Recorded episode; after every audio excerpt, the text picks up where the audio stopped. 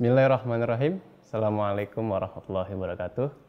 Selamat datang di channel Said Hussein. Pada pembahasan kali ini kita akan membahas tentang pilar kehidupan yang sebelumnya sudah dibahas juga. Sebelum berlanjut pembahasan ini Said, uh, saya ingin bertanya masalah pilar kehidupan. Uh, sebelumnya saya membahas masalah pilar kehidupan melalui Al-Quran dan hadis berdasarkan dengan itu. Tapi ada beberapa tokoh atau motivator, terutama di Indonesia ini, dia juga menyampaikan, memaparkan pilar-pilar kehidupan yang mungkin tidak ada di Al-Quran, tapi pasti ada sih, pasti ada, tapi nggak me Merujuk. menunjuk ke Al-Quran dan hadis itu. Nah itu tanggapan buat agama-agama lain bagaimana kalau emang menonton channel Sayyid?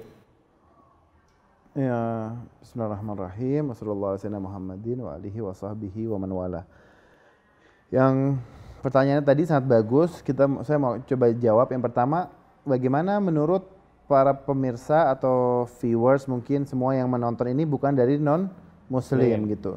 Yang harus kita sadari bahwa emang dalam episode sebelumnya kita punya empat pilar kehidupan atau kita sudah bahas tiga kehidupan tiga. tiga pilar yang pertama aku yakin bahwa amalku tidak akan dikerjakan oleh orang lain karenanya aku serius dan bersungguh-sungguh semua agama non muslim juga meyakini semua agama. Karena apa? Harusnya dia be bekerja beramal. Karena apa pun yang dia beramal buahnya nanti hanya dia yang akan dapat. Itu satu. Yang kedua aku yakin bahwa Allah selalu melihatku. Karenanya aku malu. Nah semua non muslim juga meyakini. Sila kedua kita ketuhanan yang Maha Esa. Semua Tuhan, semua agama meyakini bahwa Tuhan pasti menyaksikan, melihat apa yang mereka kerjakan. Dan sila uh, pilar yang ketiga itu apa? Aku yakin rezekiku selalu akan sampai kepadaku karenanya aku tenang. tenang, tidak akan bisa diambil orang lain. Semua agama juga meyakini itu bahwa Tuhan sudah mengatur. Tuhan merintahkan kita untuk beramal dan itu amal untuk kita. Tuhan selalu melihat kita karena kita harus malu. Yang ketiga Tuhan selalu Tuhan sudah mengatur rezeki kita karena kita harus tenang. Muslim, non muslim semuanya sama. Berpendapat seperti ini. Berarti pada pembahasan kali ini pembahasan tentang pilar kehidupan semua agama mencakup ini ya. Iya, karena pilar kehidupan karena ini kajiannya universal. Saya nggak nggak ngebahas tentang partikular, ini universal. Semua agama meyakini itu mungkin mereka tinggal merujuk karena kajian ini universal. Nanti pasti ada kan tambahan-tambahan lagi. Mungkin nanti suatu waktu saya bakal bikin lagi uh, episode ini, tapi dengan yang lebih detail lagi dengan dari ayat Al-Qur'annya, dari hadisnya, dari kisah-kisah, dari semuanya apa yang terjadi.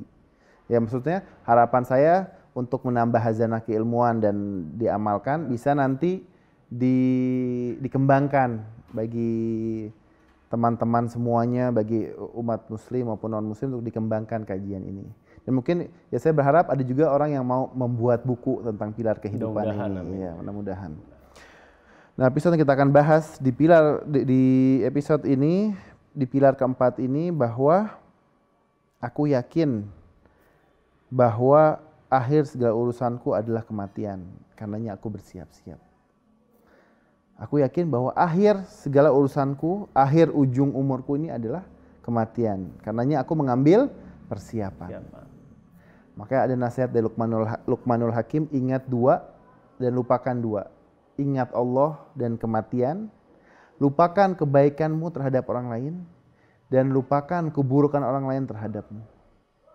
Ini kalau diamalkan, manusia bisa masuk surga semua. Ingat Allah, harus selalu ingat Allah setiap saat dan ingat kematian. Orang kalau ingat kematian dia nggak akan mau berbuat dosa. Oh pasti. Nggak akan mau mengerjakan maksiat, ya kan? Dan lupakan kebaikan kebaikanmu terhadap orang lain. Dan lupakan juga keburukan orang lain terhadap Itu. kamu. Makanya apa? Kita ingat kebaikan kebaikan orang lain, tapi lupakan kebaikan sendiri. Kita ingat keburukan sendiri, lupakan keburukan orang. Sorga sama manusia kalau mengamalkan ini. Jelas ya? Jelas, jelas. Nah, ke kenapa orang kita harus membahas kematian? Karena apa? Kita saat kita bepergian ke mau, mau haji, mau umroh atau ke luar negeri aja kita harus tahu di sana musimnya apa, kita persiapkan pakaian-pakaian apa. Di sana musim dingin persiapkan pakaian dingin. Di sana musim panas persiapkan pakaian-pakaian atau bekal-bekal musim panas. Nah, orang yang mati itu bukan sudah selesai. Ada lagi pertanggungjawaban lagi, pertanyaan-pertanyaan semuanya ada sanksinya, ada hisapnya. Oh, berarti kehidupan di dunia ini akan menjadi tetap dipertanyakan di alam selanjutnya. Iya jelas. Makanya harus dipersiap. Iya, makanya saya mengambil persiapan. Makanya Rasulullah pernah ber- berkata, ingatlah dengan pe- pembasmi segala kelezatan. Apa ya Rasulullah? Para sahabat bertanya. Itu dengan kematian. Dia pembasmi segala kelezatan. Kita mungkin kita, kita lagi bahagia, tapi coba-coba kita diingatkan tentang kematian, pasti semua orang berhenti bahagianya. Oh kita bahwa sifatnya adalah semua nikmat adalah bencana kecuali sorga itu yang hakikat dan semua bencana adalah nikmat kecuali neraka itu yang hakikat. Jadi semua anda dapat nikmat ya ya nikmat ni- apa nikmatin aja. Dan anda dapat bencana ya nikmatin juga semuanya. Jadikanlah ujian sebagai penghargaan bukan sebagai beban. Ketika dapat ujian, jadikan penghargaan supaya kita naik kelas di hadapan Tuhan. Kemudian eh, kisah Israel. Israel itu dalam riwayat satu hari lima kali datang ke depan rumah kita. Wahai fulan, wahai fulan, hancurkan apa yang kalian bangun. Kalian telah membangun rumah kalian tapi menggelap, menghancurkan kubur kalian. Kalian telah menerangi rumah kalian tapi kalian telah menggelapkan kubur kalian. Dan setiap ada meninggal di- dia datang, dia, bilang nangis, nangis, saya nangis, semua yang nangis. Saya akan kembali lagi terus, saya akan bakal kembali sampai penghuni rumah ini akan habis itu eh, Israel. Makanya apa? Kita harus mengambil persiapan untuk menghadapi kematian. Maka itu Anda bisa merujuk surat An-Nisa ayat 78, surat Al-Imran ayat 185 Allah menyebut tentang kematian. Kita nggak akan buka ayatnya yang terkenal kullu nafsin za'iqatul maut. Semua jiwa pasti akan mati, mengalami kematian. Makanya se- seperti sabda Nabi, matilah kalian sebelum kalian itu mati. Apa artinya? Ambillah persiapan untuk menyambut datangnya kematian. Matilah kalian, kalian, kalian sudah mati. Gitu. Kita mengambil persiapan bahwa saya pasti akan mati. Itu satu hak yang pasti datang. Sudah merasakan kematian Iya. di dunia ini gitu. Ya. Makanya mi- minimal satu, satu hari sekali aja kita mengingat kematian, pasti kita nggak akan mau berbuat dosa dan maksiat. Makanya ini pilar kehidupan.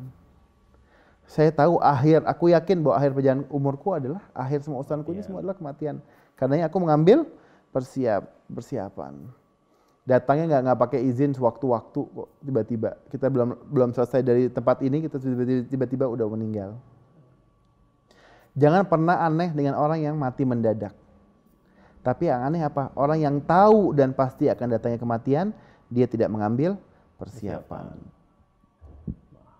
Maka gitu. Mm. Maka ada eh, sabda Nabi, dia tanya apa yang sulit dan apa yang lebih sulit.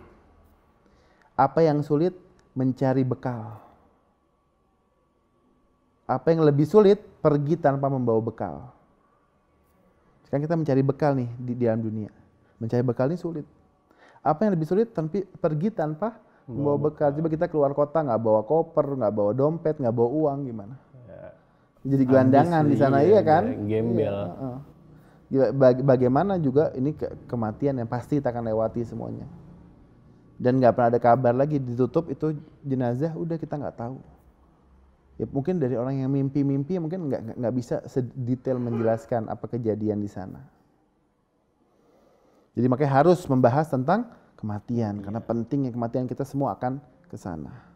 Sampai ada syair itu disebut ke, eh, andaikan manusia itu dikasih seribu tahun oleh Allah, seribu tahun umur oleh Allah dan di seribu tahun itu dia sehat, tidak pernah sakit. Di seribu tahun itu dia senang, tidak pernah eh, sedih. Di seribu tahun itu dia muda, tidak pernah tua. Di seribu tahun itu dia kaya, tidak pernah miskin. Itu semua akan dia tukar ketika dia masuk ke alam kubur ketika di waktu malam pertama. Lailatul wahsyah atau malam yang asing. Bayangin terus itu akan dia tukar semuanya mending gi- gimana di malam pertama itu. Makanya orang harus mengambil persiapan kita kita kita dari mana, di mana dan akan ke mana. Itu tujuannya itu. Jadi empat kehidupan kita kalau kita mau sukses ini empat. Aku yakin bahwa amalku tidak akan dikerjakan oleh orang lain karenanya aku mengerjakan secara serius dan bersungguh-sungguh. Yang kedua, pilar yang kedua, aku yakin bahwa Allah selalu melihatku karenanya aku malu. Pilar yang ketiga, aku yakin bahwa rezekiku tidak akan dimakan oleh selainku, karenanya aku tenang. Yang keempat, aku yakin bahwa akhir perjalanan hidupku, umurku dan urusanku ini adalah kematian. Karenanya aku bersiap-siap. Nah, empat ini fondasi, empat pilar kehidupan. Kita bangun di atas ini apa? Pemikiran kita, keyakinan kita, amal perbuatan kita, semua amal soleh kita. Dengan empat fondasi ini. Ini insya Allah apa kita bisa meraih hal-hal yang diridhoi oleh Allah. Keuntungan, ya, keuntungan di dunia dan keuntungan di akhirat. Kita jangan sampai kita disebut orang-orang yang rugi nanti di akhirat. Saya pikir itu kajian kita tentang empat pilar kehidupan. Empat pilar kehidupan. Hmm. Baiklah teman-teman, kita sudahi kajian pada hari ini. Terima kasih Said Hussein, semoga bermanfaat untuk kita semua. Jangan lupa like, share, and subscribe. Dan buat yang ingin bertanya silakan langsung tulis di kolom komentar di bawah ini. Kurang lebih mohon maaf. Assalamualaikum warahmatullahi wabarakatuh.